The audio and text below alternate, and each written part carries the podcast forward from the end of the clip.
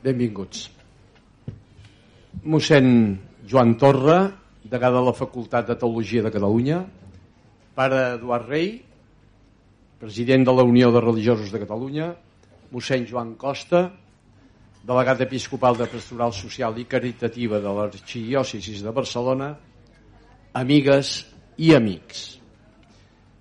Benvinguts a la segona tribuna la segona edició de la tribuna Joan Carrera, si en el dinar col·loqui inaugural amb el cardenal eh, arcabisbe de Rabat, Cristóbal López, les entitats adherides eren 15, avui ja són 20 les entitats convocants. Ànima 7, Consell de Laics de Caputxins de Catalunya, Cristianisme al segle XXI, cristianisme i justícia, EFATà, cristians de base, .cat, per si us veu, equips de pastoral de la política i la comunicació, el Pregó, Fundació Albert Bonet, Fundació Casa de Misericòrdia, Fundació Catalunya Religió, Fundació Centèsimos Annos, Fundació Escola Cristiana de Catalunya, Fundació Joan Maragall, Fundació Pere Tarrés, Grup Cristià dels dissabte, País Valencià, és una novetat, Grup Sant Jordi de Defensa i Promoció dels Drets Humans, Justícia i Pau, Lliga Espiritual de la Mare de Déu de Montserrat, eh, Parròquia de Sant Anna Hospital de Campanya i Unió de Religiosos de Catalunya. Permeteu-me que faci una salutació especial als representants d'aquest grup cristià dels dissabtes del País Valencià que avui ens acompanyen en nom de la seva entitat. Una entitat que malda per mantenir el valencià en la litúrgia i per oferir una visió oberta, arrelada i compromesa del cristianisme, malgrat les enormes dificultats que han patit i que pateixen. Rebeu el nostre escalf i el nostre suport des del Principat.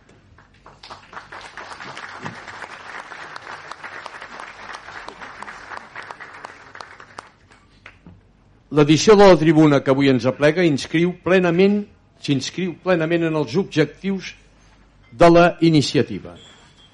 Analitzar la situació actual del cristianisme a Europa i contribuir a la difusió de la presència del fet religiós en la nostra societat catalana. Per fer això possible, hem convidat el filòsof i teòleg William Danca, degà de la Facultat de Teologia de Bucarest i vicerector de la Catedral de, Buscaret, de Bucarest. Ell ens oferirà la seva versió sobre la realitat punyent, la importància del factor religiós en la guerra a Ucraïna. Vogliamo ringraziare ringraziare sinceramente di aver accettato il nostro invito. Serà presentat pel degà de la Facultat de Teologia de Catalunya, Joan Torra, un agraïment també a ell, així com a la traductora d'italià-català que ens ajudarà en el diàleg, Federica Biondi, i a Meritxell Joan, doctora en, els estudis, estudi... en estudis literaris, lingüístics i culturals, qui moderarà el diàleg. Permeteu-me un petit, perquè ara he vist el Lluís Serra, i va fer un article, no, el Lluís Serra, perdona, perdona Lluís, el pare Bauset, que va fer un article del nen al Nepal, que em sembla que hi ha unes frases adequades en el tema. La noia aquella que anava despullada i que va presentar la foto al papa deia el, el Bauset ho repetia, ho, rep, ho reproduïa en un article fa pocs dies, vaig aprendre a perdonar. Avui parlaran de la guerra. I diu, el perdó m'allibera, m'alliberarà, me'n va alliberar de l'odi. Encara tinc moltes cicatrius al cos i encara tinc dolors forts, però el meu cor és net. El Nepal és molt poderós, però la fe, el perdó i l'amor tenen més poder. Permeteu-me, tanco el parèntesi. Com dèiem al març, el, el fet de que 20 entitats i institucions eclesials hagin rebut hagin sabut sumar sinergies és un signe d'esperança i també un reflex del dinamisme i la vitalitat de l'Església catalana en la línia d'Arrels Cristianes de Catalunya, document emblemàtic en el que els seus primers paràgrafs donen fe de la realitat nacional catalana. No endebades en l'actual procés del sínode convocat pel papa Francesc, que ha aixecat àmplies expectatives, les entitats laicals alcem la veu per proclamar una, un major protagonisme en la vida eclesial, també en la presa de decisions a tots nivells. Encara ens falta molt per superar el clericalisme. Bé, no em vull allargar més, agrair-vos de tot cor a totes i a tots la vostra presència. Teniu a la taula la intervenció del doctor Danca, traduïda al català. Bona feina. Ja podeu començar a preparar preguntes i comentaris pel diàleg i us animo a participar en les properes edicions, tres a l'any, tampoc ens costarà tant, que oportunament anirem convocant. Moltes gràcies.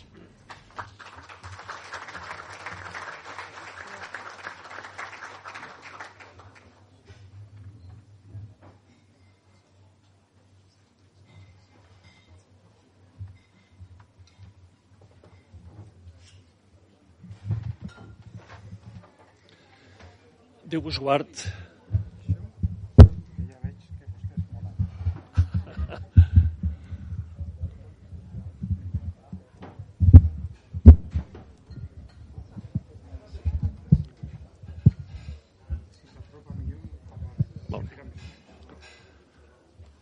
Déu vos guard a tots. Eh, agraeixo que se m'hagi convidat a fer aquesta presentació de Wilhelm Danka, el degà de la Facultat de Teologia de Bucarest. Evidentment no podia dir que no. Eh, m'agrada poder-lo rebre també des de la Facultat de Teologia de Catalunya de l'Ateneu Sant Pacià. Eh, em toca en aquest temps de ser-ne degà i per tant m'ha agradat molt de poder-lo de poder rebre. Parlaré una mica en català i després passaré a un italià que comprendreu tots perquè el parlo així una mica. Només ja fa molts anys que havia estat a Roma i que, i, i que el parlava així amb facilitat. La primera víctima d'una guerra són les persones. Són aquelles persones que moren. Són aquelles persones que han de fugir de casa. Són d'aquelles persones a qui se'ls destrueix tot. Jo penso que la primera víctima, i no ho podem oblidar, són les persones concretes. I avui la televisió, els mitjans de comunicacions fan arribar aquestes imatges a casa nostra quan estem dinant. Les persones. Jo penso que hi ha una vaja, una concatenació amb això, podem dir que la víctima d'una guerra és la persona humana, que una guerra sempre és un fracàs de la persona humana, sempre és un fracàs de la humanitat, sempre ens dona aquella situació, aquella categoria de tristesa. Amb la, aquesta víctima que és la persona humana hi va aleshores el seu entorn, hi va la natura, hi van les ciutats, els habitatges, les fàbriques, els mitjans de comunicació, hi va l'economia, hi van les relacions interpersonals, hi van les... La, la guerra destrueix moltes, moltes coses. Però m'agradaria dir que hi ha una gran víctima de la guerra que és la veritat. La veritat. Què és la veritat? Aquella pregunta angoixosa de l'Evangeli també.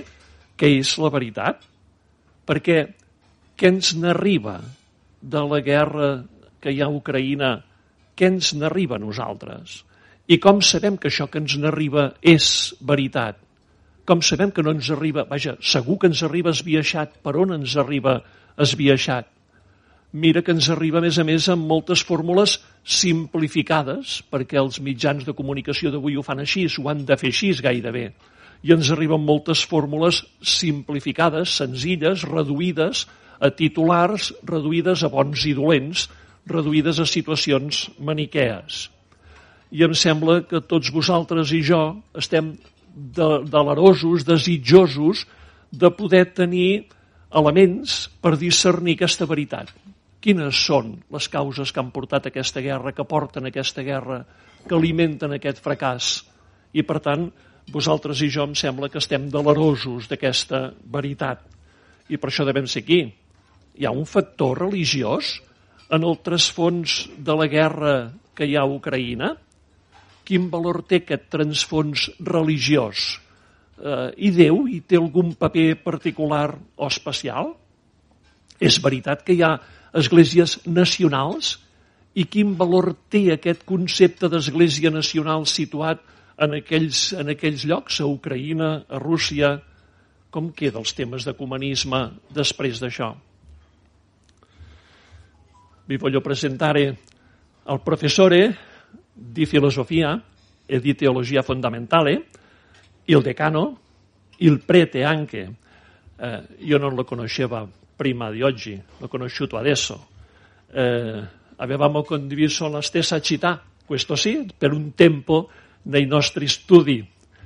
Lui, lei è nato l'anno 1959, a maggio del 1959, a Burueiniti. Non so se l'ho detto bene. Burueiniti, va bene, si capisce allora. Ah, ha, fatto, ha, studiato la licenziatura, la licenza nell'Istituto Teologico Cattolico Romano a Iasi. Poi dopo ha fatto il master e il dottorato per la facoltà de, di filosofia della Pontificia Università Gregoriana a Roma.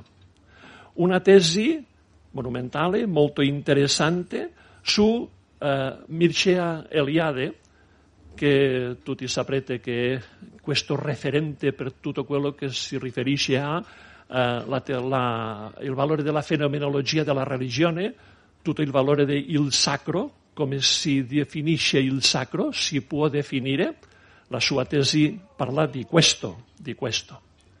Poi dopo, con questa tesi difesa, l'anno 96, vero?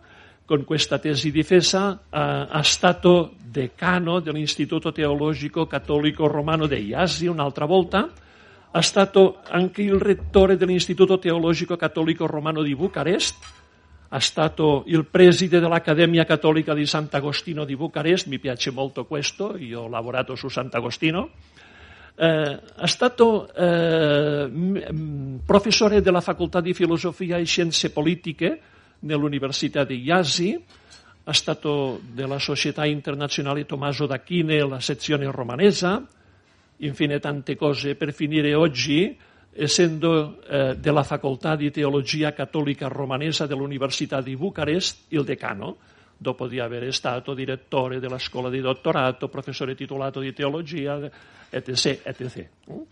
Eh, e anche professore della facoltà di filosofia dell'Università di Bucarest.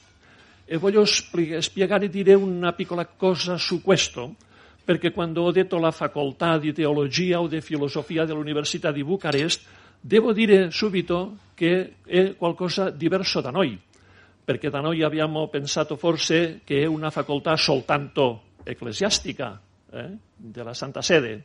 Invece questa è la facoltà di teologia romano-cattolica e assistenza sociale che eh, la sua lavoro era formare, formare, professori di religione sia di primaria sia di secondaria, e formare investigatori, ricercatori di teologia e anche lavoratori sociali. Questo è molto importante, perché allora forma parte di questa università eh, insieme con la facoltà di teologia battista e la facoltà di teologia ortodossa. Allora è un vero um, lavoro di ecumenismo entro una università civile che dipende, vero? De, de, che, che civile, dello Stato. Eh? Allora è diverso da noi. È diverso da noi.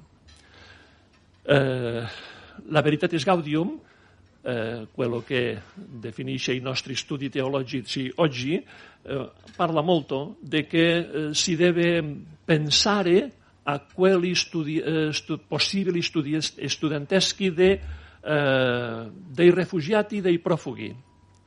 Posso dirvi che ricercando cose di questa facoltà ho visto che in questa situazione di guerra nell'Ucraina hanno accolto tanti studenti per poter continuare i suoi studi nella facoltà lui, della quale lui è decano. Ho visto anche che eh, ha pubblicato adesso il quinto volume di un'opera, Mysterium Christi, eh, questa era su San Matteo, credo, un commentario eh, eh su, sul Vangelo di Matteo. Eh? San Marco, l'ultimo, l'ultimo San Marco. Allora, San Matteo era prima, era primo. E ho visto, ho visto anche che è vicerrettore della cattedrale di San Giuseppe di Bucarest.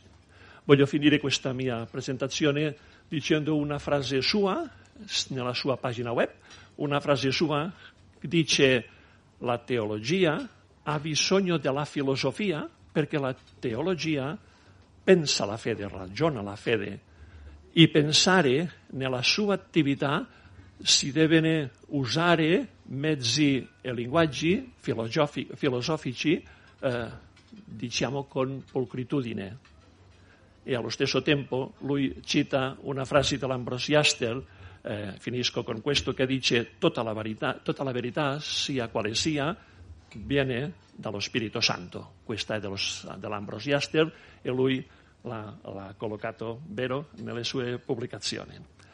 Eh, un petit record, deixeu-me'l dir en català, per algú que va morir eh, fa cinc anys, el setembre del 2017, mossèn Josep Casanova i Martorell, fill de Torelló, capellà del Bisbat de Vic, eh, que tenia la bioritualitat i que va ser el creador de l'Església Catòlica Ucraïnesa a tota Espanya, finalment.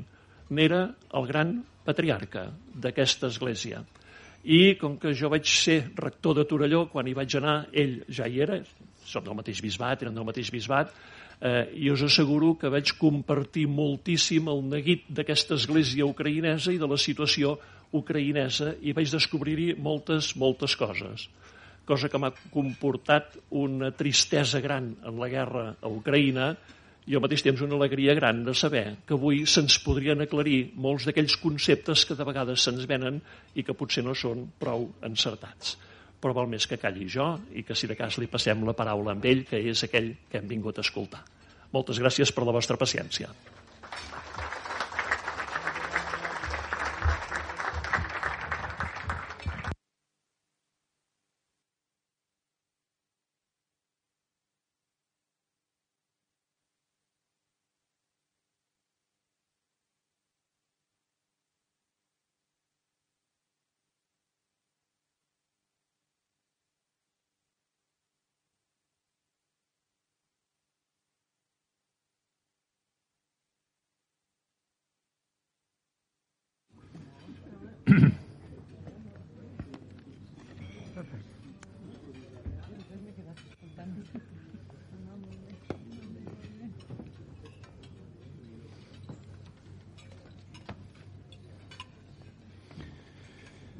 Buenas tardes, amigas y amics.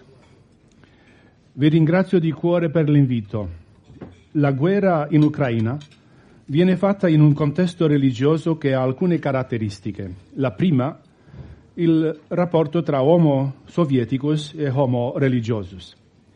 E la prima di queste caratteristiche consiste nel fatto che l'Ucraina e la Russia sono delle ex repubbliche sovietiche dove i preti ortodossi, come pure quelli cattolici o i pastori protestanti, erano rimasti estremamente pochi. Dall'instaurazione del regime comunista bolscevico fino al 1939 si è avuta una lotta ininterrotta per sradicare la religione dalla vita pubblica. Gli errori del comunismo bolscevico sono diversi e molto numerosi, ma possono essere riassunti in uno solo. Cercare la costruzione di un mondo o di una società senza Dio.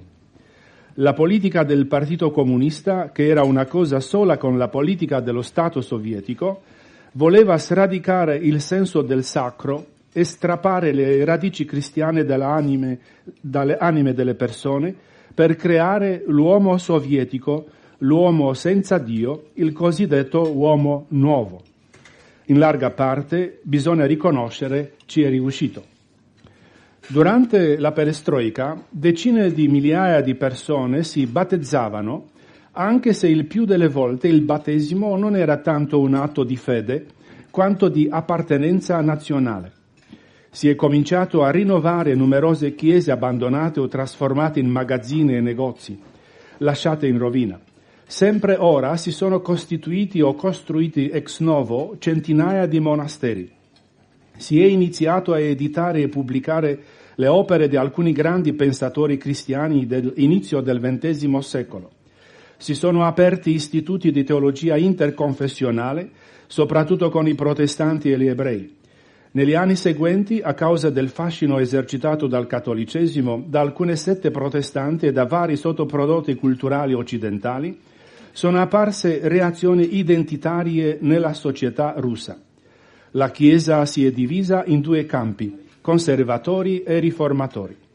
I conservatori volevano mantenere le pratiche liturgiche in slavo antico come lingua di culto, non accettavano il rinnovamento degli studi teologici, la teologia era un semplice, una semplice lettura e citazione dei detti dei padri della Chiesa, adottavano un'ortodossia chiusa senza rapporti con quelli di fuori.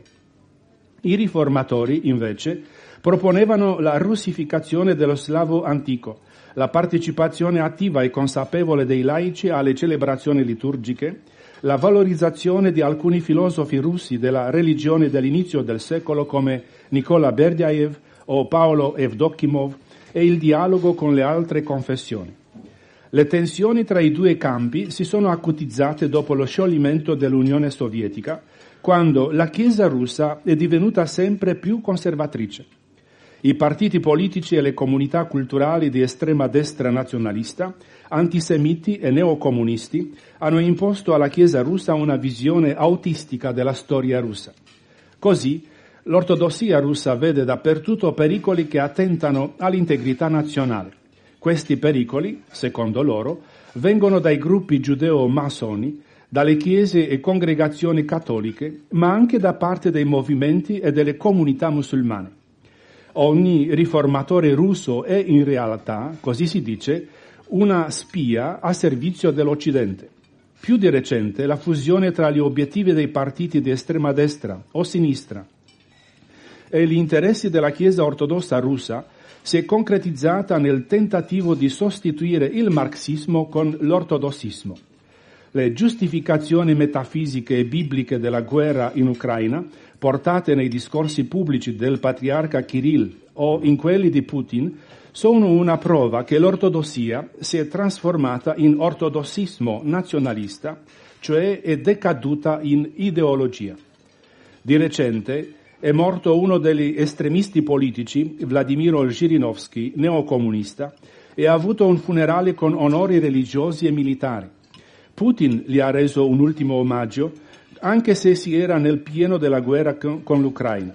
Il patriarca e i vescovi ortodossi, circa 130, hanno fatto passi importanti nella direzione di una trasformazione dell'ortodossia russa in una vera ideologia, essendo aiutati oppure ricattati.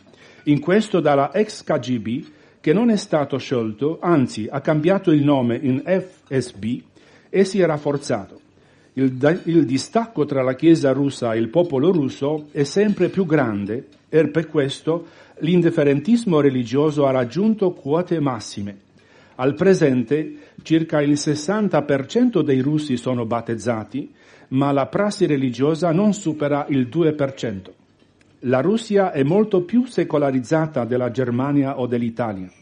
Molti giovani e intellettuali si allontanano, dalla Chiesa e sono allontanati dalla Chiesa da parte dei vescovi conservatori e dai preti che sostengono l'ortodossismo russo rigido e la guerra contro l'Ucraina.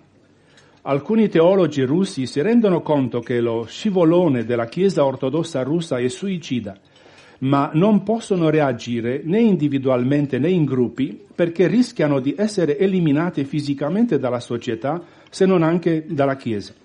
In breve, si direbbe che l'uomo sovieticus vuole essere invictus o molto difficilmente vincibile. Per questo la nuova evangelizzazione in Russia dovrebbe cominciare con le sfide del Homo Sovieticus.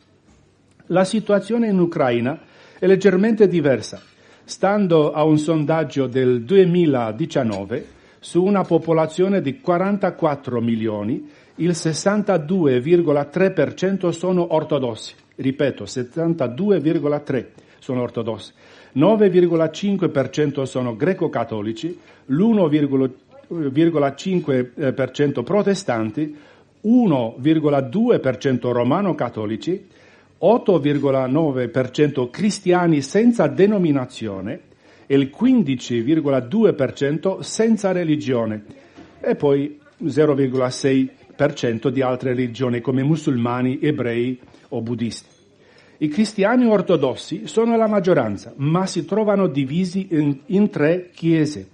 Dei 62,3% eh, ortodossi, una percentuale assai ampia, il 27%, non dichiara alcuna appartenenza a una delle tre chiese ortodosse ucraine, quindi la metà, mentre 0,7% sono indecisi. Tra gli ortodossi che dichiarano una appartenenza religiosa, il 18,6% si riconoscono nella Chiesa ortodossa autocefala ucraina, che ha legami con patriarcato ecumenico di Costantinopoli, il 2,3% nella Chiesa ortodossa ucraina patriarcato di Kiev e il 13,3% nella Chiesa ortodossa ucraina che ha legami con patriarcato di Mosca. La prassi religiosa è un po' più alta, la percentuale riguardante la partecipazione alla vita eucaristica della Chiesa non supera il 5%. In Ucraina il cristianesimo ortodosso è simile a quello in Russia, vale a dire una questione di identità nazionale, non di fede e di effettiva prassi religiosa. Tuttavia, le percentuali basse sulla partecipazione attiva alla vita della Chiesa ortodossa russa o ucraina possono essere lette pure in chiave positiva nel senso che sotto la cenere il fuoco è ancora vivo.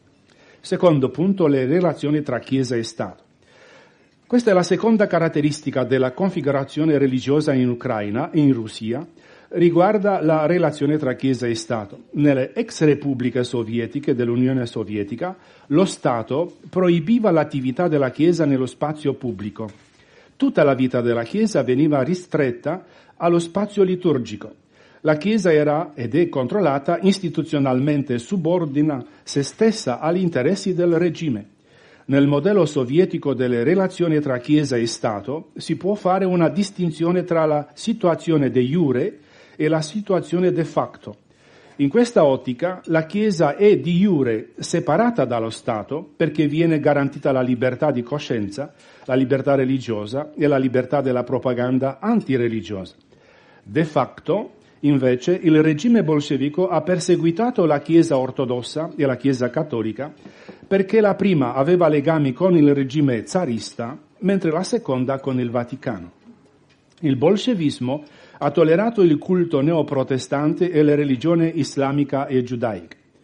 All'avvicinarsi della seconda guerra mondiale, i bolscevichi si sono riconciliati parzialmente con la Chiesa ortodossa e hanno permesso l'elezione di Sergei come patriarca della Chiesa ortodossa russa. In tal modo i politici sovietici hanno riconosciuto de facto che la Chiesa ortodossa è parte integrante del regime. Dal 1943, dopo l'elezione del patriarca Sergei, la Chiesa di Mosca ha assunto il ruolo di protettrice, tra le virgolette, dell'ortodossia nei Balcani e in Medio Oriente entrando in competizione con il patriarcato ecumenico di Costantinopoli. Allo stesso tempo, il patriarcato di Mosca si è associato al potere sovietico nella campagna di ridurre l'influsso del Vaticano nelle chiese cattoliche della Unione Sovietica, specialmente in Ucraina. Così, tra il 1944 e il 1946, il patriarcato di Mosca è entrato in Ucraina con l'aiuto delle truppe sovietiche e ha messo fuori legge la Chiesa greco-cattolica cercando di integrarla nella Chiesa ortodossa russa allo scopo di consolidare il potere dello Stato sovietico. La stessa cosa ha fatto anche in Romania, ma non, si, non parlo di questo. La politica religiosa promossa dai sovietici poggia su due pilastri. l'ideologia marxista e l'osmosi tra la religione e il nazionalismo, il cosiddetto etnofiletismo. Partendo da questi due piloni, la politica religiosa dei soviet ha avuto nella Unione Sovietica e nell'Europa dell'Est tre tipi di chiesa. Chiese soppresse, soppresse come le chiese greco-cattoliche in Ucraina e Romania, chiese integrate al regime come lo sono state le chiese ortodosse nell'Unione Sovietica, Ucraina inclusa in Romania e Bulgaria, chiese tollerate, ad esempio le chiese romano-cattoliche, sia dove erano maggioritarie come in Polonia e Ungheria, sia dove erano minoritarie come in Romania, Ucraina e Unione Sovietica. A 30 anni dallo scioglimento dell'Unione Sovietica il paesaggio ecclesiale nelle ex repubbliche sovietiche è diverso, nel senso che non esistono più chiese soppresse. Queste sono state rifondate, ma sono apparse separazioni all'interno delle chiese integrate, come in Ucraina e Repubblica Moldova, dove ognuno dei paesi ha due chiese ortodosse. In Repubblica Moldova esiste una chiesa dipendente dal Patriarcato di Mosca e una dipendente da quello di Bucarest. In Ucraina esistono tre chiese, infatti. La Chiesa ortodossa ucraina con il Patriarcato a Kiev la Chiesa ortodossa ucraina con il patriarcato a Mosca, e, che recentemente ha deciso di rompere il legame con la Chiesa ortodossa russa, e una Chiesa ortodossa ucraina autocefala in comunione con il patriarcato ecumenico di Costantinopoli. Terzo punto, il patriarcato di Mosca in conflitto canonico con il patriarcato ecumenico.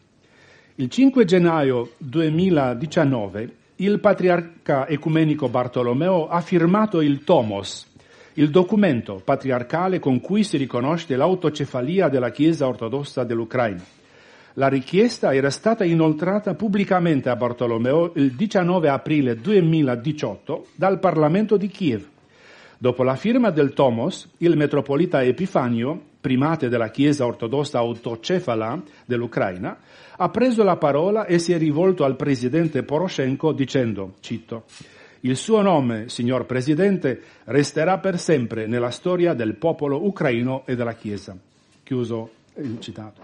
Il metropolita Epifanio aveva abbastanza motivi per ringraziare il Presidente perché ha contribuito in maniera significativa all'orientamento pro-europeo della politica ucraina e implicitamente all'autorizzazione canonica della Chiesa ortodossa autocefala dell'Ucraina.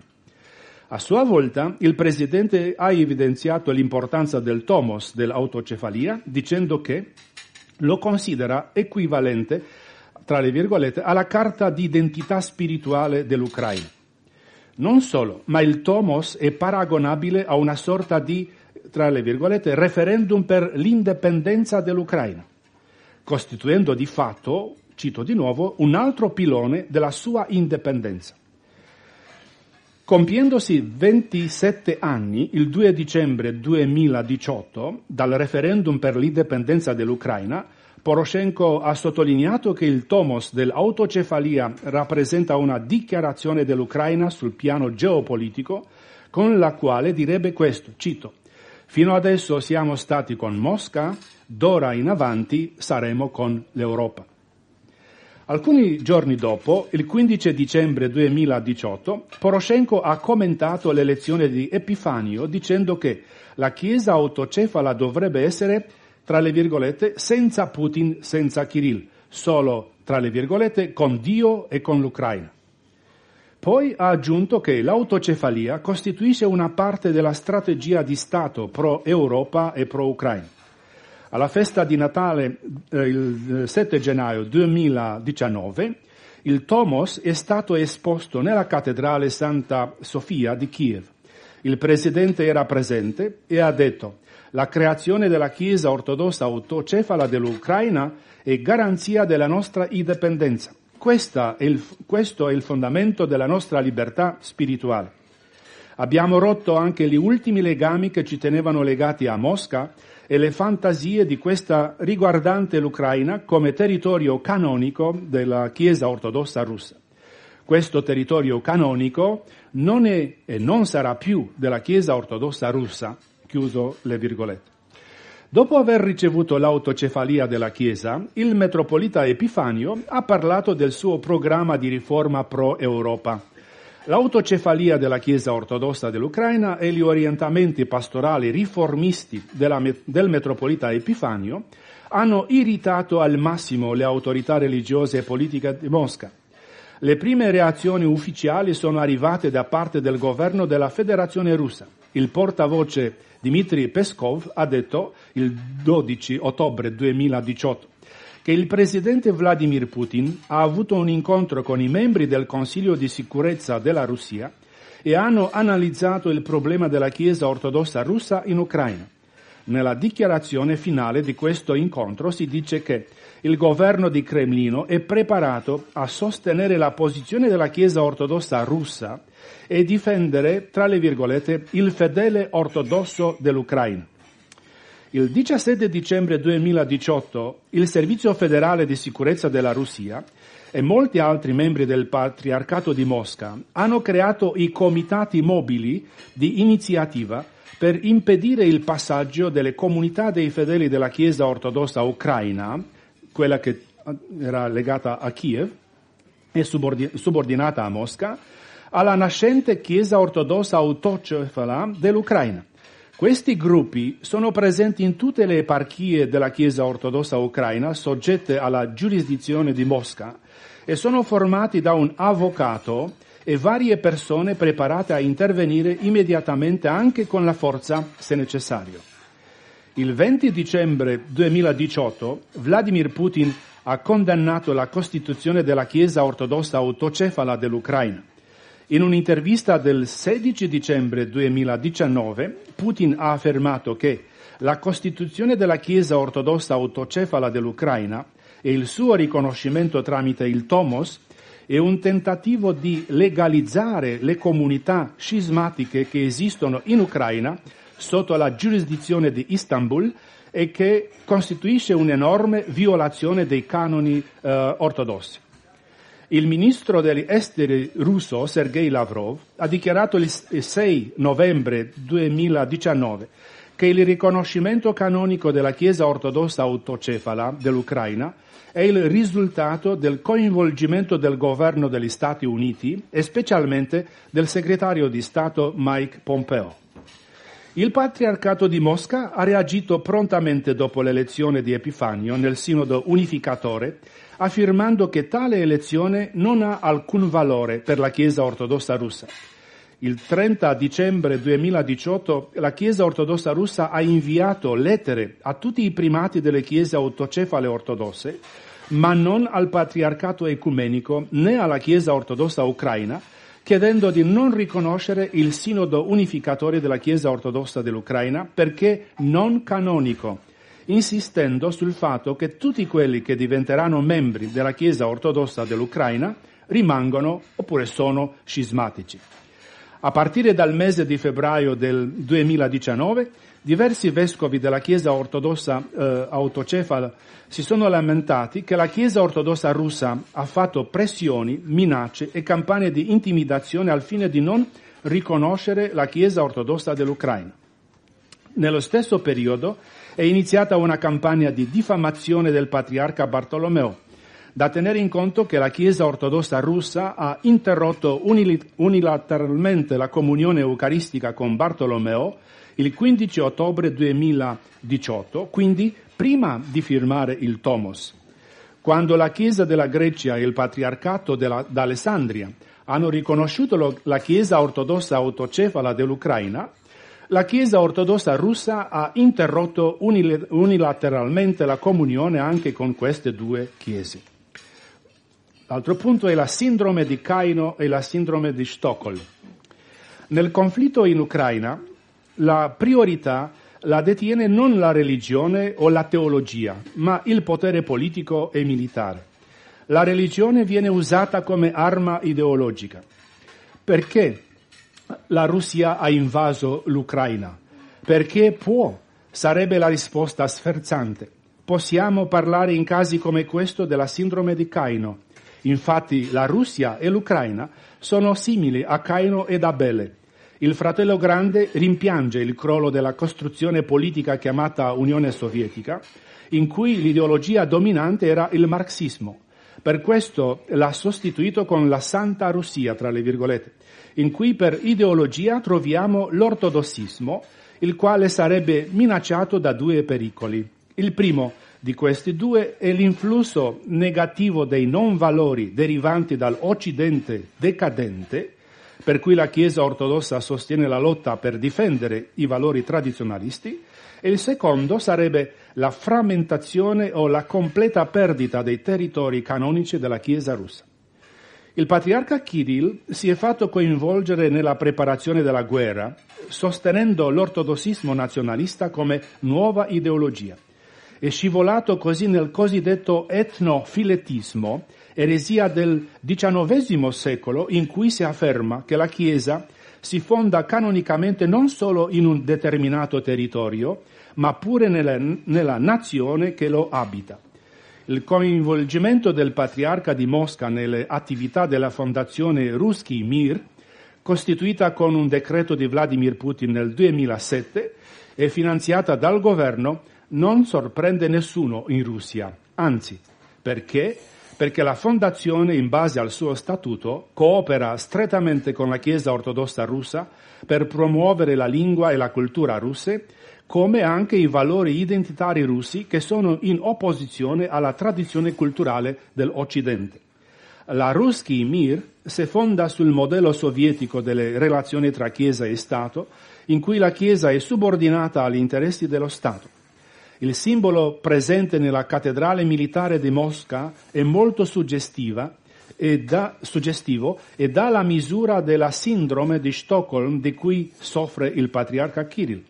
Nel punto in cui il braccio orizzontale di questa croce si incontra con quello verticale, si ha la stella rossa tipica dei tempi dell'Unione Sovietica.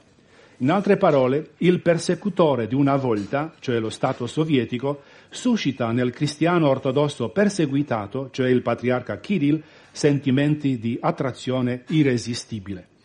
La vittima si innamora del suo carnefice.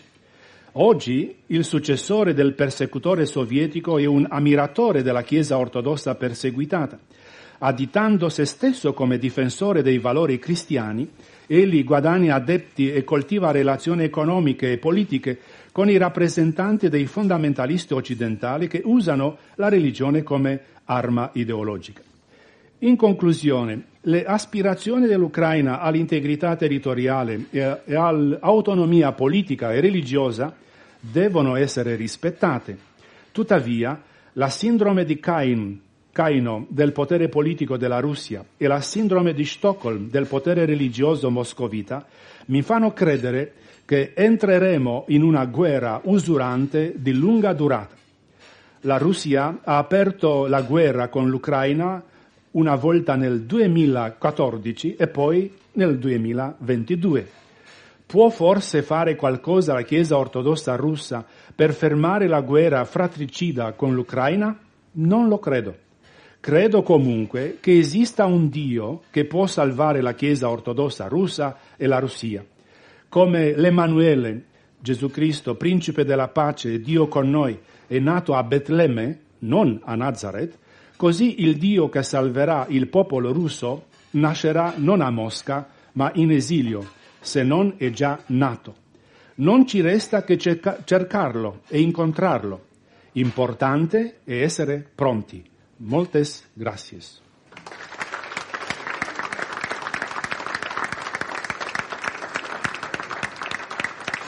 Bona tarda. Eh, comencem, si us sembla, eh, agraint no, aquest aquesta ponència ben, ben rica en idees, eh, que ha suscitat moltes preguntes, moltes reflexions, intentem agrupar-les i per seguir reflexionant sobre aquesta complexitat no?, que ens posava sobre la taula. Um, hi ha tot un seguit de, de preguntes que um, volen que, que ens expliqui una mica més la, tota aquesta fragmentació o aquest mapa tan divers que ens ha dibuixat de les diferents esglésies ortodoxes a, a, Europa de l'est, no? de quina manera coexisteixen totes aquesta, tota aquesta diversitat no? de, de, d'expressions religioses a, a l'Europa de l'Est en general, a Romania, a Ucraïna, si poguessis fer cinc, si pogués fer cinc cèntims d'aquest eh, d'aquesta fragmentació. Okay. una serie di diverse domande, però che tu non chiedono lo stesso, che è una spiegazione un po' più in dettaglio di questa frammentazione delle chiese ortodosse nell'Europa dell'Est, come possono coesistere no? per esempio di Romania, Ucraina, eccetera. E di me sono interessati a conoscere un po' di più questa coesistenza no? delle sì, diverse sì. chiese. Bene, eh, allora grazie per eh, le tante domande.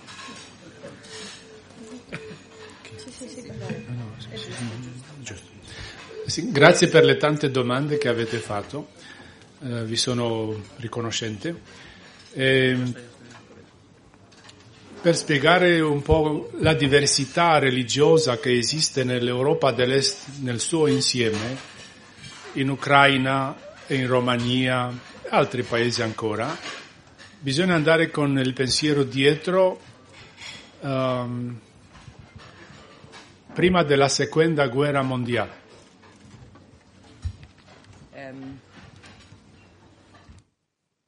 Bene. Hola, bona tarda. Faré una mica de, de traducció. Eh, bueno, moltes gràcies per les preguntes. Uh, per poder explicar les diferències religioses en Europa de l'Est, Ucraïna o Romania, s'ha d'anar abans de la Primera Guerra Mondiale.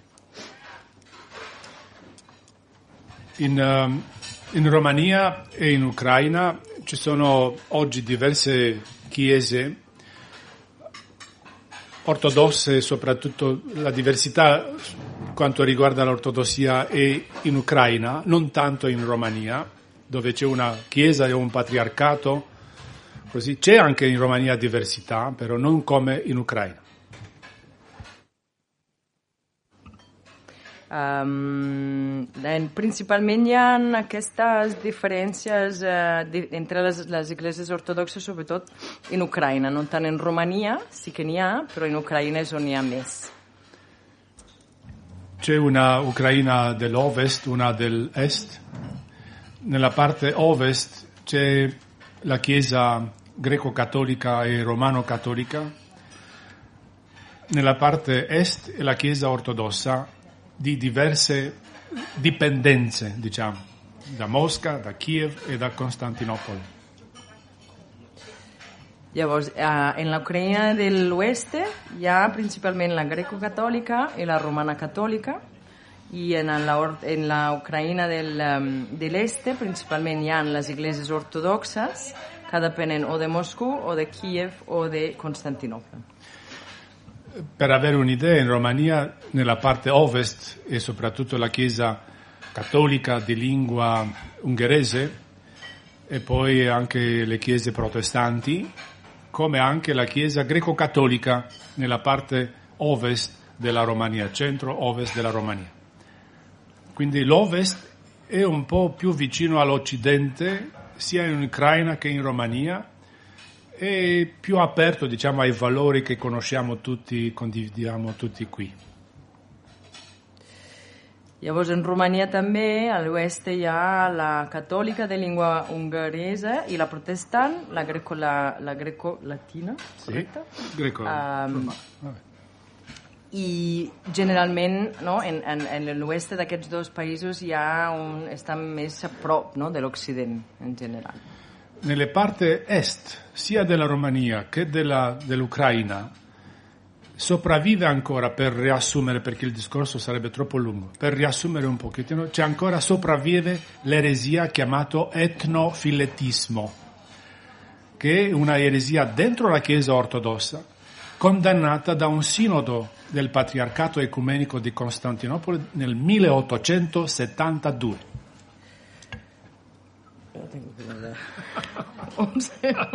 Quindi è sopravvissuta un'eresia nella parte est, etnofiletismo si chiama. Eh, sì, poi dopo, condannata, condannata, nel 1872 dal patriarcato ecumenico di Costantinopoli. Sì. Perdoneu, eh, que no...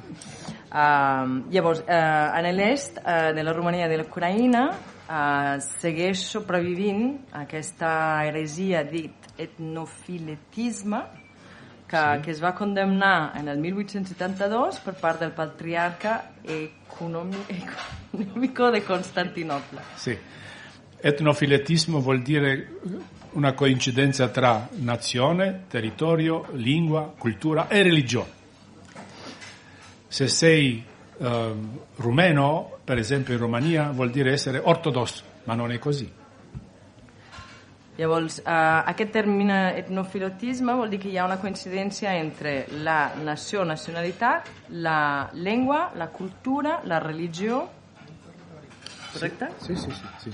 Llavors, tot, Sì. tot coincideix in, in, in una. Sì, va bene, ma ci sono delle altre, come hai detto, confessioni e denominazioni cristiane in Romania. Ma per avere l'idea come è sopravvissuto questa eresia a etnofiletismo, di fronte alle chiese ortodosse, sia in Romania che in Ucraina, si mette la bandiera nazionale. Llavors, uh, per, um, per dir com ha pogut sobreviure no? aquest et- etnofiletisme és el fet que es posen la bandera no? davant Sì. del... Questo vuol dire, tra le virgolette, che non possono entrare gli altri che non si riconoscono in quella bandiera. Ma non è, non è così. Il cristianesimo non è questo. que, que d'alguna manera el que diuen és que no poden entrar ells que no es amb aquesta bandera. Quindi questa eresia, etnofiletismo, è sopravvissuta anche nei nostri giorni in Ucraina e si vede adesso in questo conflitto, ma ci sono altre ancora. Ma per dire la diversità come, come viene. Nella parte ovest, certo, ci sono le, ehm, diciamo, le dipendenze dal Vaticano, dal Santo Padre, dal mm, Santa Sede, così quindi un'altra struttura, in un altro modo si organizza la Chiesa. Mentre nella parte est le chiese ortodosse sono rimaste autocefale, autonome, dipende un po' come, ma eh, è molto presente la- l'eresia etnofiletismo. Come detto, la bandiera è già il segno che questa eresia sopravvive ancora. E da qui scaturiscono tanti problemi. Llavors, mentre que en l'Ovest uh, les dependències són principalment del Vaticà, en el- en l'est dels països um, segueix aquesta, aquesta heresia, no? aquesta, aquesta separació etnofiletisme on no, hi ha aquesta representació de la bandera, no? que o perteneixes o no. Sì. Aggiungo un'altra, un'altra parola. Eh, l'ultimo regime che abbiamo avuto prima della seconda guerra mondiale ha importanza per oggi. Noi siamo stati sotto una monarchia absburgica, cioè erano i re della famiglia di Hohenzollern della Germania, e loro hanno promosso uno spirito del vivere insieme nella diversità. Um, L'últim règim abans de la Segona Guerra Mundial va ser la monarquia asbúrgica uh, de la Germania i, i promovien un règim de viure junts. Sì.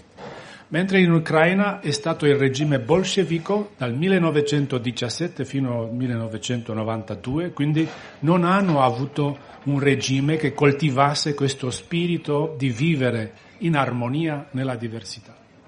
Mentre que en Ucraïna va ser un, el règim bolxevic que des del 17 al 42 i llavors no, no van tenir aquest tipus de, de règim de viure junts.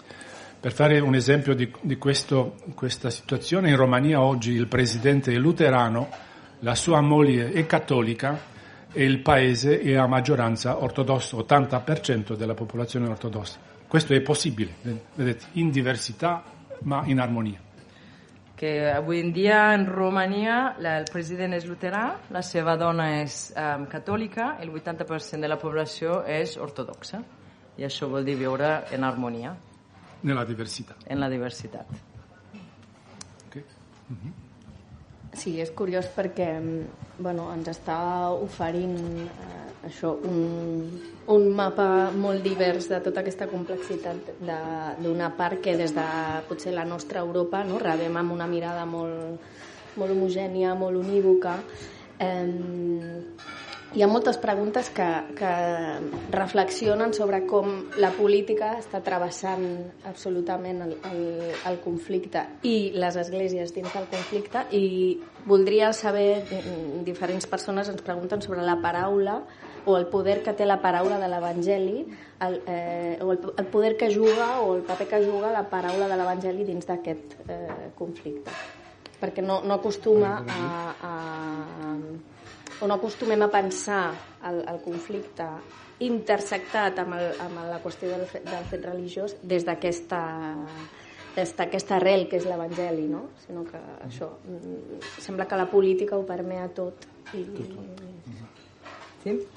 Cioè, mh, a parte che da, dal punto di vista nostro ed europeo no, questa diversità per noi è, è, già, è già molto, molto diversa da come ce l'abbiamo noi e vorrebbero sapere ehm, eh, no, come, come eh, la politica si permea dentro questa, questa, questa, guerra, però allo stesso tempo come la parola dell'Evangelo può, no? Aiuta, può, bene, può aiutare, può aiutare mhm. no? in, sì, sì. In, in, in, questa situazione. Sì, da, dal, dal, punto di vista del, della politica beh, si, si, vede a distanza già con, senza, senza problemi che è un problema politico molto politicizzato e la Chiesa è diventata strumento di questa politica, quindi viene utilizzata la Chiesa per una politica. Ma le, le pretese della Chiesa del, della nazione ucraina cioè, sono legittime fino a un certo punto, cioè avere un'autonomia, indipendenza, eccetera, una Chiesa nazionale. Poi dopo interviene la politica che già, già obbliga, forza, cioè non lascia uh, questo processo che si sviluppasse in, in, in pace, in ordine, in armonia come, come ci deve. Um, dal, dal, punto di vista della politica, uh, effettivament està tot molt polititzat i, i l'Església de fet és un instrument, una eina política. Um, les expectatives de lo que volen la nació ucraïna que són absolutament legítimes, no? l'autonomia, la independència, um, però hi ha una intrusió política che non permet aquest procés che, che, che, che, che, vagi, no? che es vagi fent naturalmente.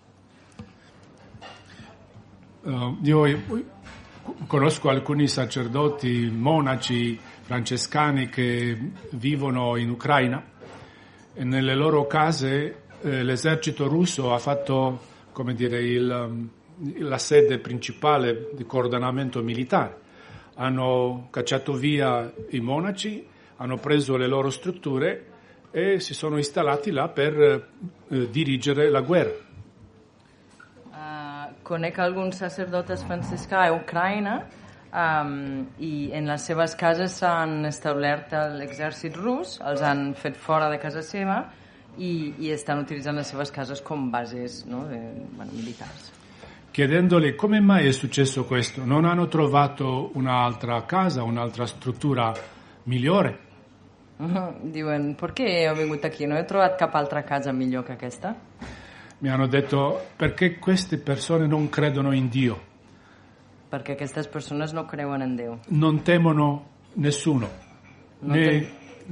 uomini, né Dio, né santi, niente.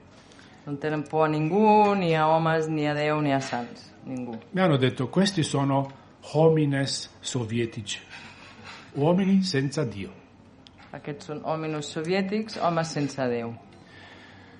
Eh, continuato, ma per, per evangelizzare come potrete fare? Ha detto la via che noi dobbiamo seguire adesso è quella di Gesù Cristo, la non violenza, la pace, però non viene abbracciata questa, questa strada dalla politica ufficiale. Com ho feu ara per, per evangelitzar no? en aquest moment, com ho podeu fer? I diuen ara um, és seguir la paraula de Jesús, la non violència, la pau, però la, la politica això no, no ajuda, non permet fer això. Quindi si, si divide adesso, però la, la, la, Chiesa cattolica, come dicevo, è minoritaria in Ucraina, non ha un punto di vista così influente. L'Església Cattolica in Ucraina è minoritaria, ugualmente non ha tanta influenza. La Chiesa ufficiale ortodossa, quella autocefala, che gestisce un po' le relazioni con lo Stato e sostiene questo tipo di resistenza militare armata. Sostiene questo. Sostiene, sì. I la, Ortodoxa mm, Autònoma Autocefala Oficial sosté aquest tipus de, Resi- de violència. re- resistenza. De resistència, perdona. Sì. Resistenza militare. Con, militar. Que- è un problema che non possiamo controllare. Noi preghiamo, continuiamo a pregare dove ci troviamo e offriamo ospitalità a tutti i rifugiati che vengono dall'Ucraina, per esempio in Romania, come sono anche in Polonia, ci sono in tanti. Um, de part nostra és un problema que no podem controlar, llavors um, um, rezamos, perdoneu, no sé com es diu en català, no em surt, uh, i donem hospitalitat als, a les persones refugiades. Per noi è stata, quest- questo conflitto è stato un, un, um, un invito a riconciliarci un po' con l'Ucraina, per i romeni dico. Aquest, uh, aquest conflicte per nosaltres romans, romens és una invitació per reconciliar-nos amb les persones in Ucraïna. Perché c'è una minoranza eh, cattolica, ortodossa, scusatemi, eh, rumena in Ucraina con un metropolita che rivendicano eh, le celebrazioni in rumeno, la scuola in rumeno, la cultura rumena per le comunità rumene che stanno in Ucraina, ma fino alla guerra non ci hanno permesso di fare questo. Um, hi ha una minoria d'ortodoxos rumenes in Ucraïna que reivindiquen poder fer les celebracions uh, en rumè, en l'escola, etc. Um, però qui fins ara, Fino adesso non, è- non hanno permesso questo. fins ara non l'han permès. non ha permesso questo e il presidente Zelensky in un'intervista ha detto che avremo delle relazioni eh, reciproche, cioè riconosceranno anche loro l'identità rumena in Ucraina, la lingua, la religione, eccetera, come lo fanno i romeni oggi in Romania, che hanno le loro stru- ma loro non hanno fatto fino adesso. El president Zelensky ha dit que sí, que, que s'obrirà aquesta relació recíproca i reconeixement um, no, entre Ucraïna i Romania. Així com s'ha fet Romania, ell diu que ara de part d'Ucraïna també es farà. Questo è un segno di nuovo della crisi identitaria di cui parlavo prima nella Chiesa ortodossa ucraina. Questo è un segno. Aquest és un signe de crisi d'identitat de l'Església Ortodoxa Ucraïna, tal com deia abans. Sí, també hi ha hagut un seguit de reflexions que posen l'accent en, en la idea que hi ha hagut grups o, o, o persones que han volgut trencar amb, amb, aquesta, amb aquest manicaisme que mencionaven al principi. No? Per exemple, eh, el responsable, què ha passat amb el responsable de- d'afers estrangers del Patriarcat de Moscou o què ha passat amb un grup de capellans ortodoxos russos que van subscriure una carta crítica contra la invasió russa. No? És a dir, veus que, que, que s'atreveixen a obrir una escletxa en, aquest, en aquesta relació unívoca Església-Estat a Rússia i a Ucraïna. O sigui que... Eh, per un moment. O sigui que hi ha grups que sí que intenten tallar Sí, o sigui que, que per exemple, l'Església ortodoxa russa Sí. no? es presenta unívoca contra eh, Ucraïna, però hi ha un grup de capellans ortodoxos contraris a aquesta, Ah, a sì, aquesta, ho a capisco. aquesta posició d'una banda el metropolità Hilarion. i el metropolità Metropolità Hilarion. Sì, sì, che erano, sì, sì. Beh, certo, anche nella Chiesa ortodossa ucraina, dipendente dal Patriarcato di Mosca, ci sono state delle, delle voci, delle proteste contro la guerra.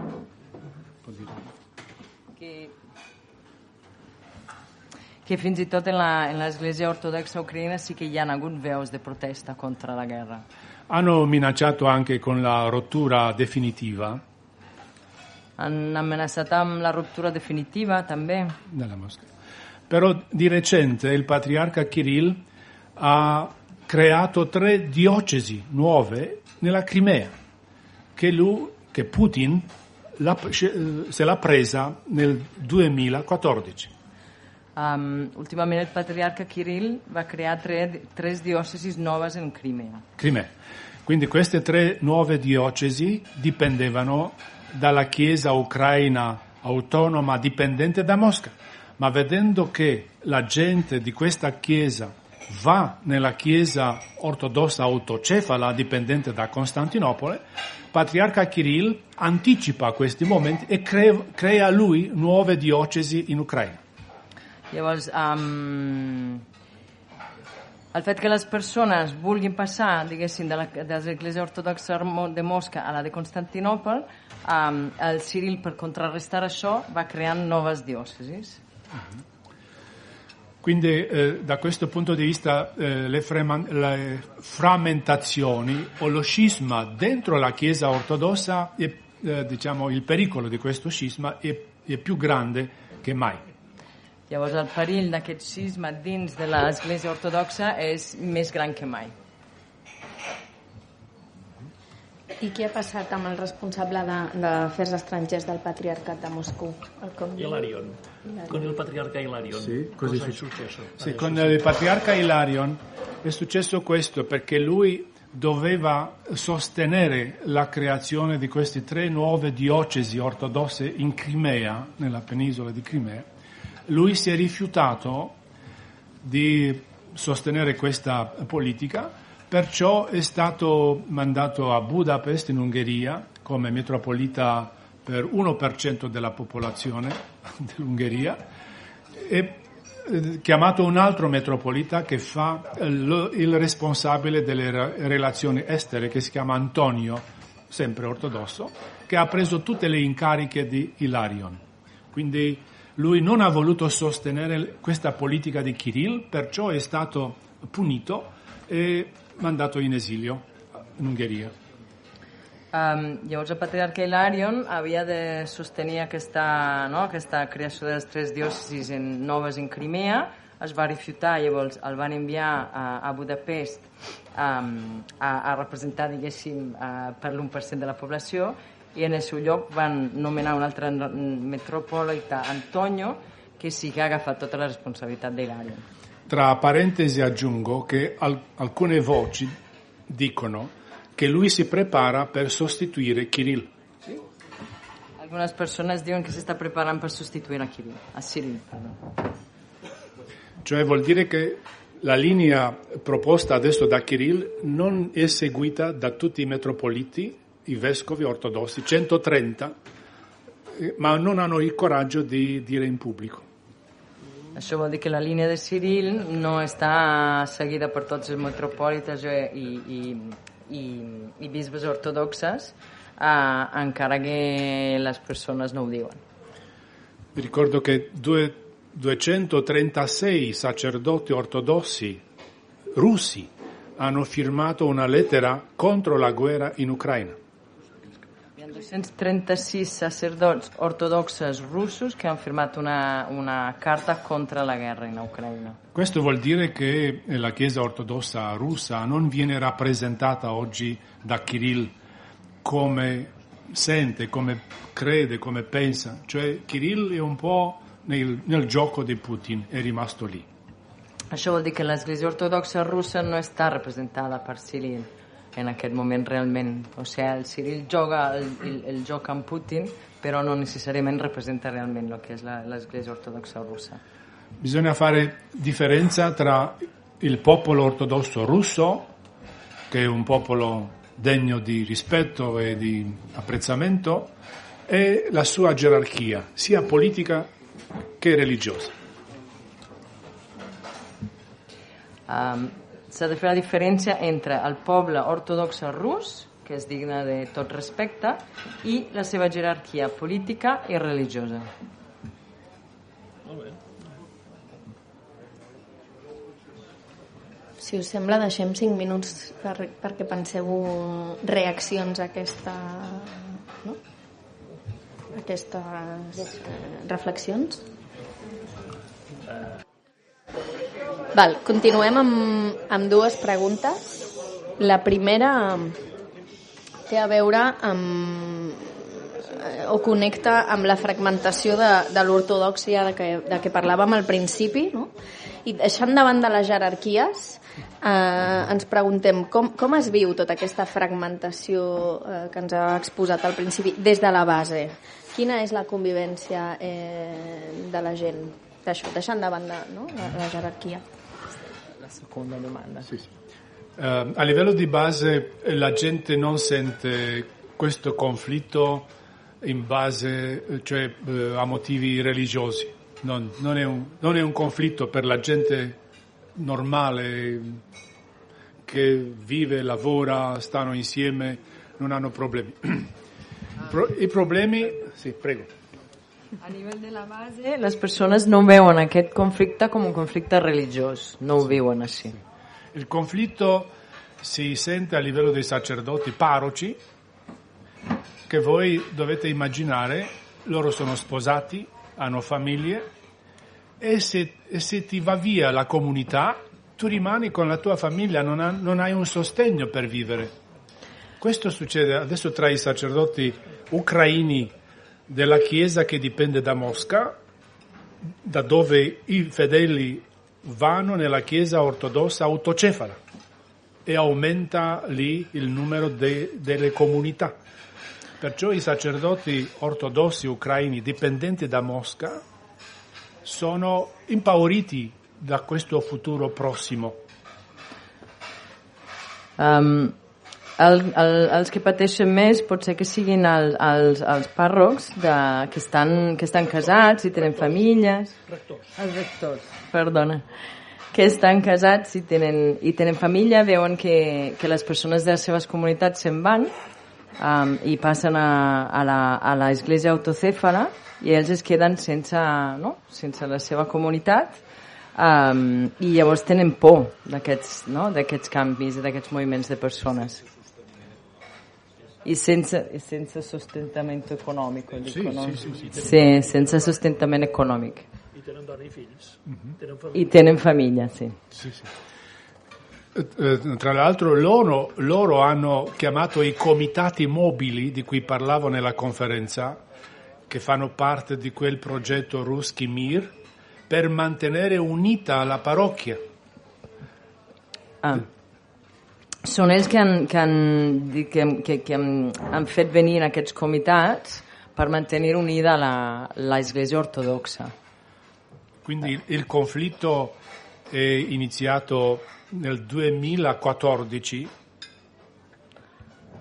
El conflicte que vas començar, che va iniciar nel 2014 e in parte è stato creato dal conflitto tra i sacerdoti ortodossi parroci che appartenevano alla Chiesa ortodossa dipendente da Mosca e gli altri che dipendevano dalla Chiesa autocefala.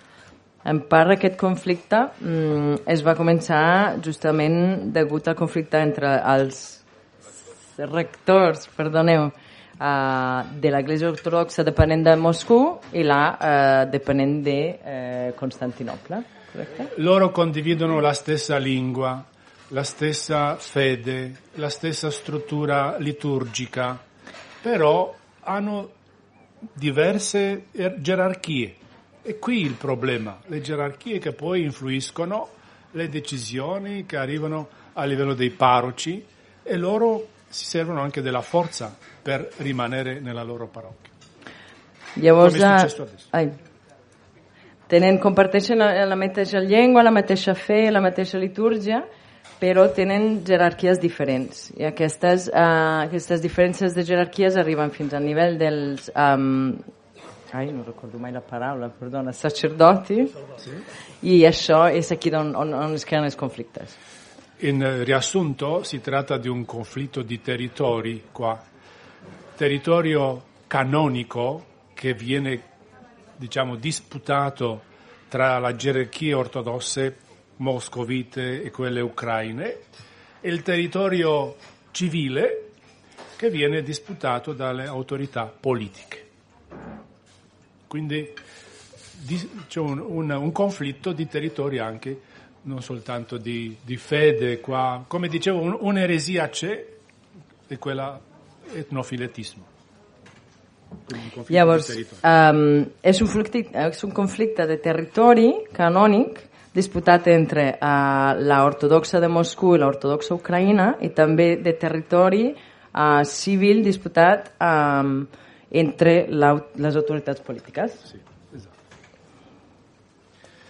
Quindi a livello di base la gente sta, bien- sta bene insieme, ma come sali un po' sulla gerarchia ehm, arrivano i problemi.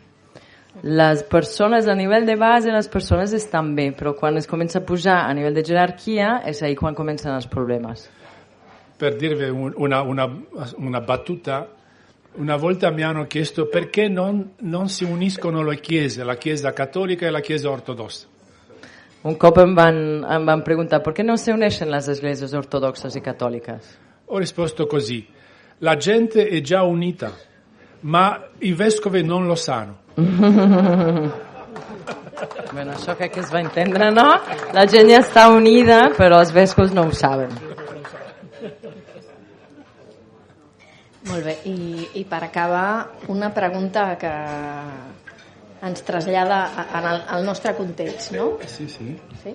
Què pot fer el papa, què pot fer l'Església Catòlica, què pot fer la comunitat catòlica occidental en aquest eh, context de conflicte? Um, e per la prima volta penso quando la Chiesa cattolica a livello massimo, come il Papa e gli altri cardinali che lo aiutano nella sua attività pastorale, capiscano una realtà. Puoi dire? Que la prima volta que lo capiscono. És la primera vegada que les esglésies catòliques a nivell màxim, com la del papa, um, entenen la realitat. Le relazioni ecumeniche con la Chiesa ortodossa russa, ucraina, Les relacions ecumèniques amb les esglésies ortodoxes russes i ucraïnes hanno una particolarità, tenen una particularitat. cioè lì la religione è mista con la politica. Ahir la religió està mesclada amb la, amb la política. Il modello che abbiamo noi in Spagna o in Germania o in Romania o così è il concordato, cioè abbiamo un partenariato con lo Stato, Chiesa e Stato, su alcune, alcuni problemi. Per esempio la Chiesa può gestire scuola, ospedale, attività sociali. Questo è un concordato. Non funziona così eh, in Ucraina o in Russia.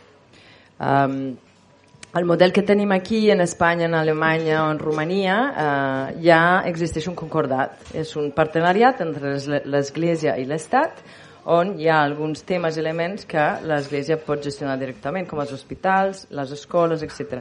Això no, eh, no es repeteix in Ucraïna, Sì. correctament? Lì c'è un altro modello, si chiama Chiesa di Stato. Ahí hi ha un altre model que es diu Església d'Estat. Questo vuol dire che la Chiesa va con lo Stato anche quando non è d'accordo con lo Stato. Això vol dir que l'Església va amb l'Estat encara que no estigui d'acord. Si tratta di questo in Ucraina e Russia. Això és el que es tracta en Ucraïna i en Rússia.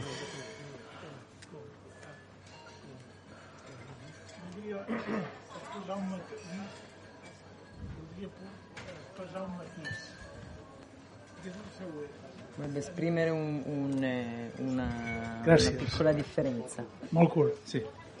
Ens sorprèn molt a Occident l'actitud dels ucraïnesos defensant la seva terra, tant els que estan dintre com els que estan fora i pensen en guanyar. Des d'aquest punt de vista, què ens pot aportar? Els que estan dintre, els que estan fora, perquè pensen i pensen guanyar. Com que pensen guanyar a Rússia. Sí. Tant els que lluiten dintre i els que estan desplaçats sí, sí. a morir, molts d'ells, estan com convençuts els que estan desplaçats. de guanyar. Que guanyaran. Com ho veu? Vale. Eh, dice come allora mi sorprende molto qua, ci sorprende molto in Occidente questa attitudine degli ucrainesi, sì. sia quelli che sono qua in Ucraina che sono fuori che difendono la loro, la loro terra ah, sì. con l'idea che vinceranno. Cioè con ah. questa convinzione del fatto che vinceranno, quindi la domanda è cosa ne pensa lei? Sì, sì, sì, cosa ne penso io di questo? Sì. sì, sì. sì a proposito di, di questa ultima domanda, posso dirvi che il conflitto è fratricido, prima di tutto, e tutti provengono dalla stessa fonte che si chiama il battesimo di, del principe Rus, Vladimiro Rus, del 988. Kiev è stata, diciamo così, la, la prima chiesa madre di tutti i russi, anche ucraini, tutti provengono da Kiev. Perciò la Russia vuole rivendicare questo legame con Kiev perché è un legame spirituale fondamentale per loro. Vogliono avere questo. Ma per quanto riguarda la, la difesa loro, della loro patria, del, del, loro territorio, degli ucraini e la speranza che vinceranno, questo, come dire, come, una, come un conflitto tra i fratelli. C'è un detto in italiano, non lo so come si dice in catalano, forse fratelli coltelli. Mm. Cioè... Sì, sì, sì. Germans ganivets. Sì. Cioè, exactly. È anche un, un, problema psicologico qua, anche un problema di questo genere. Quindi per arrivare alla pace tra i fratelli succede che alcune volte non arrivano mai. Mm. Sì, Exacte, o sigui que encara que la, eh, fondamentalment l'església mare de totes les esglésies russes és la de Kiev, o sigui que deriven totes i tots de la mateixa església, llavors eh, aquest, aquesta cosa és eh, un fratricidi, no? hi ha un, un conflicte entre germans i germanes, um, i, bueno, i com diu en, en italià, que aquesta dicta que diu germans ganivets, o sigui, en italià no fa rima. Fratelli coltelli, no? es tradueixen germans ganivets. Clar, que pot ser que aquesta, aquesta guerra entre germans no s'acabi. Sì. Eh, allora, ehm, questa, questo conflitto durerà e ogni fratello avrà la sua parte. Non, non, lo sappiamo quale e come, sì, ma ogni, ogni fratello avrà, avrà la sua parte. Anche i russi sono convinti che quei territori appartengono alla loro comunità, alla loro diciamo, cultura, lingua, eccetera, tradizione, come anche gli ucraini. Ma noi speriamo, eh, ecco, in un futuro politico così eh, di tipo federazione, che siano diverse repubbliche insieme e ognuno preghi nella sua lingua, nella sua tradizione, eccetera, e che vivano in pace. Um, Um, diu que en aquest conflicte cada germà tindrà, tindrà la seva part, uh, també els russos diuen que aquests territoris són seus i, i els ucraïns els seus, llavors ell a, a nivell de futur ve com un futur polític, un, un, un tipologia de federació on cadascú podrà no, respectar la seva, la seva religió i podrà no, rezar en la seva idioma, en la seva llengua, perdone. È, è molto complicata la, la situazione, come è, complicata, eh, come è complicato un conflitto tra i fratelli e sorelle in una famiglia. È così. Allargate un po' e vedere le, le dimensioni e poi quanto durerà. Molto tempo. És molt complicat, és la mateixa dificultat de, de no, relacions entre germans i, i poder dir quan durarà és molt difícil.